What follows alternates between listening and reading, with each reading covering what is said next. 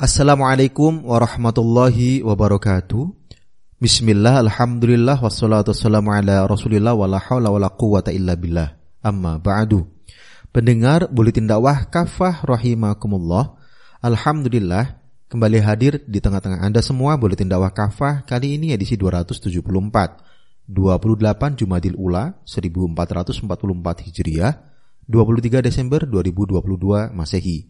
Kali ini akan mengangkat tema jadilah muslim taat, bukan radikal atau moderat. Bismillahirrahmanirrahim. Indonesia ditunjuk menjadi tuan rumah konferensi Islam tingkat ASEAN. Konferensi kali kedua ini digelar di Denpasar, Bali 21 sampai 23 Desember 2022. Konferensi ini diikuti sekitar 140 peserta dari Indonesia, Malaysia, Brunei Darussalam, Singapura, Thailand, Filipina, Laos, Myanmar, Vietnam, Timor Leste, serta Arab Saudi. Konferensi menghadirkan sejumlah narasumber dari kalangan ulama, akademisi, serta pimpinan organisasi masyarakat Islam dari berbagai negara. Konferensi ini akan membahas implementasi moderasi beragama dalam masyarakat Muslim serta upaya pencegahan ekstremisme dan intoleransi. Kita akan sharing best practice di setiap negara ujar Dirjen Bimas Islam Kamarudin Amin. Pendengar rahimakumullah, perang istilah. Selain menggelar konferensi Islam, Puslitbang Bima Agama dan Layanan Keagamaan Badan Litbang dan Diklat Kementerian Agama Republik Indonesia juga menggelar peluncuran dan diseminasi buku moderasi beragama bahasa asing di pelataran Candi Sewu, Prambanan, Jawa Tengah, Minggu 18 Desember 2022. Tujuannya sama, mencegah paham radikalisme dan menciptakan kerukunan. Istilah moderasi beragama memang menjadi isu utama yang digulirkan pemerintah khususnya melalui Kementerian Agama. Ini sebagai perlawanan terhadap apa yang disebut sebagai paham ekstremisme, radikalisme, dan intoleran. Apalagi jelang perayaan Natal dan Tahun Baru, topik moderasi beragama semakin kencang, seperti tahun-tahun sebelumnya. Agenda ini akan dilanjutkan dengan perayaan Natal bersama oleh warga, ormas Islam, dan tokoh-tokoh Islam. Umat sepatutnya mengkritisi berbagai istilah yang sering dikampanyekan, moderasi beragama, radikalisme, ekstremisme, dan intoleransi. Pasalnya, sebenarnya semua istilah tersebut tidak pernah ada dalam khazanah pemikiran Islam. Kalaupun ada, Istilah-istilah itu hanya merupakan hasil dari pemelintiran dalil-dalil Al-Quran dan As-Sunnah oleh para penggunanya. Inilah yang dinamakan perang istilah Harbul Mustalahat. Perang ini dilancarkan oleh Barat dan para komporadornya terhadap kaum muslim. Mereka membuat beragam istilah, lalu mengkampanyekan istilah-istilah itu dengan masif melalui media massa, buku-buku pelajaran, kurikulum pendidikan, bahkan konstitusi.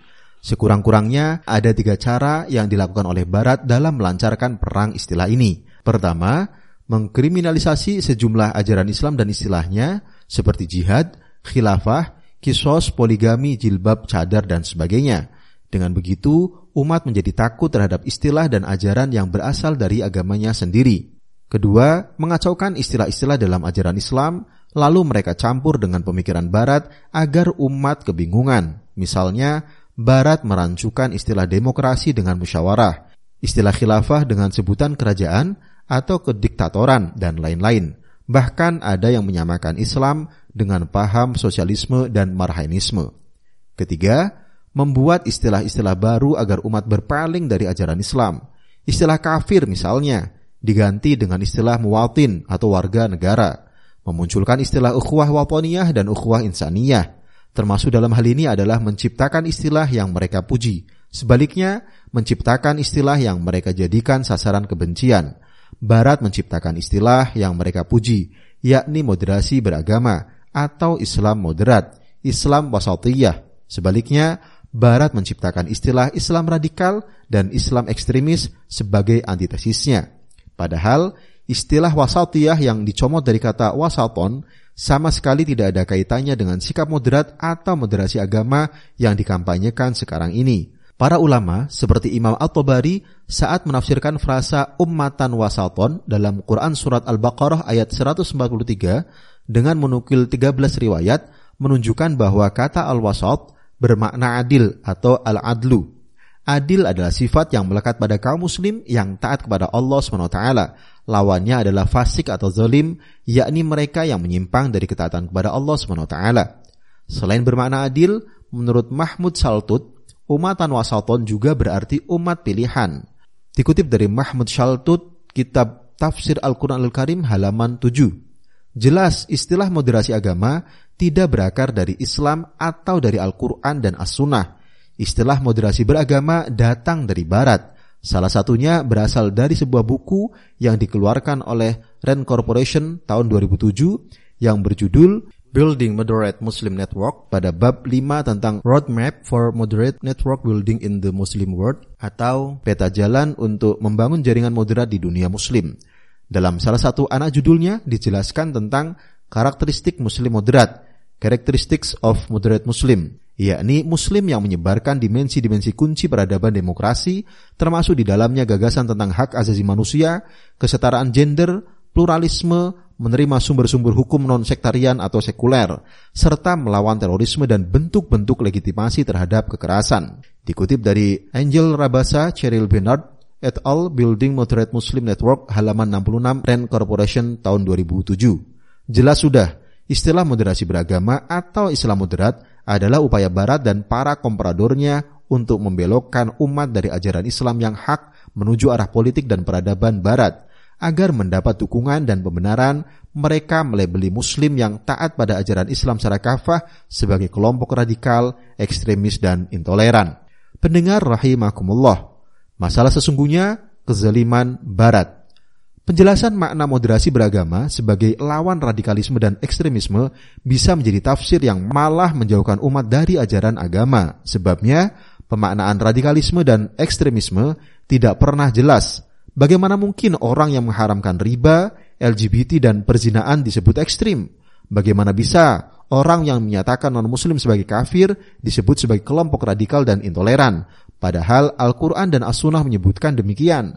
Bagaimana pula sikap menolak mengucapkan selamat hari raya agama lain dan tidak ikut merayakannya digolongkan sebagai kelompok ekstrim dan menolak kebinekaan?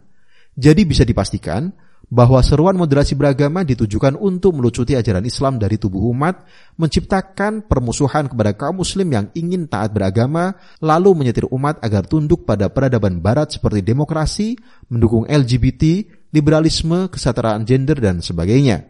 Umat Islam harus paham bahwa persoalan yang dihadapi bangsa ini juga dunia secara global bukanlah ekstremisme dan radikalisme agama, Persoalan utamanya justru penindasan secara politik, ekonomi, dan militer oleh negara-negara Barat terhadap negara-negara lain, terutama terhadap dunia Islam. Dengan munafik, para pemimpin Barat menuding kaum Islam radikal sebagai penyebar kekerasan. Padahal, para pemimpin Barat seperti George Bush senior dan anaknya George Bush junior, Bill Clinton, Barack Obama, lalu Perdana Menteri Inggris Tony Blair telah menyebabkan kematian jutaan orang di Irak dan Afghanistan. Menurut laporan Decision for Social Responsibility pada tahun 2015, sepanjang 10 tahun agenda War on Terror yang dikomandoi Amerika Serikat, tidak kurang 1,3 juta bahkan nyaris 2 juta orang meninggal jadi korban operasi militer barat. Namun, para pemimpin barat tersebut tidak pernah dicap sebagai kaum radikal, ekstremis apalagi teroris. Padahal tangan mereka berlumur darah, khususnya darah kaum muslim. Lalu dengan kurang ajarnya, mereka mempropagandakan moderasi beragama sambil memfitnah Islam dan kaum muslim yang taat pada agamanya sebagai musuh kemanusiaan. Herannya, para penguasa muslim dan sejumlah tokoh agamanya bak kerbau dicocok hidung. Manut saja pada agenda barat ini. Mereka seolah mengamini bahwa agama mereka dan sikap taat beragama adalah ancaman terhadap umat manusia. Padahal Allah SWT telah berfirman dalam Quran Surah Al-Mumtahanah ayat 1, Ya ayyuhalladzina amanu la tattakhidu aduwi wa aduwakum awliya. Hai orang-orang yang beriman, janganlah kalian menjadikan musuhku dan musuh kalian sebagai teman-teman setia. Pendengar rahimakumullah, wajib taat syariah. Kaum muslim wajib meneladani apa yang dilakukan oleh Rasulullah Shallallahu alaihi wasallam dan para sahabat.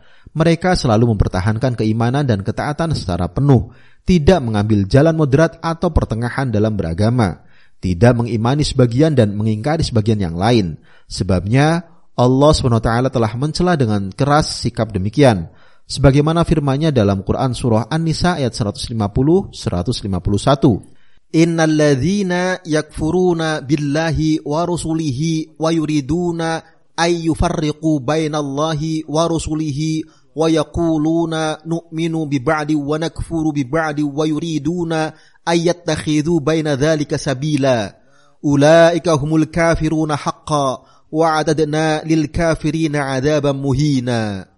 Sungguh orang-orang yang kafir kepada Allah dan Rasul-Rasulnya bermaksud membedakan antara keimanan kepada Allah dan Rasul-Rasulnya dengan mengatakan, kami mengimani sebagian dan mengingkari sebagian yang lain.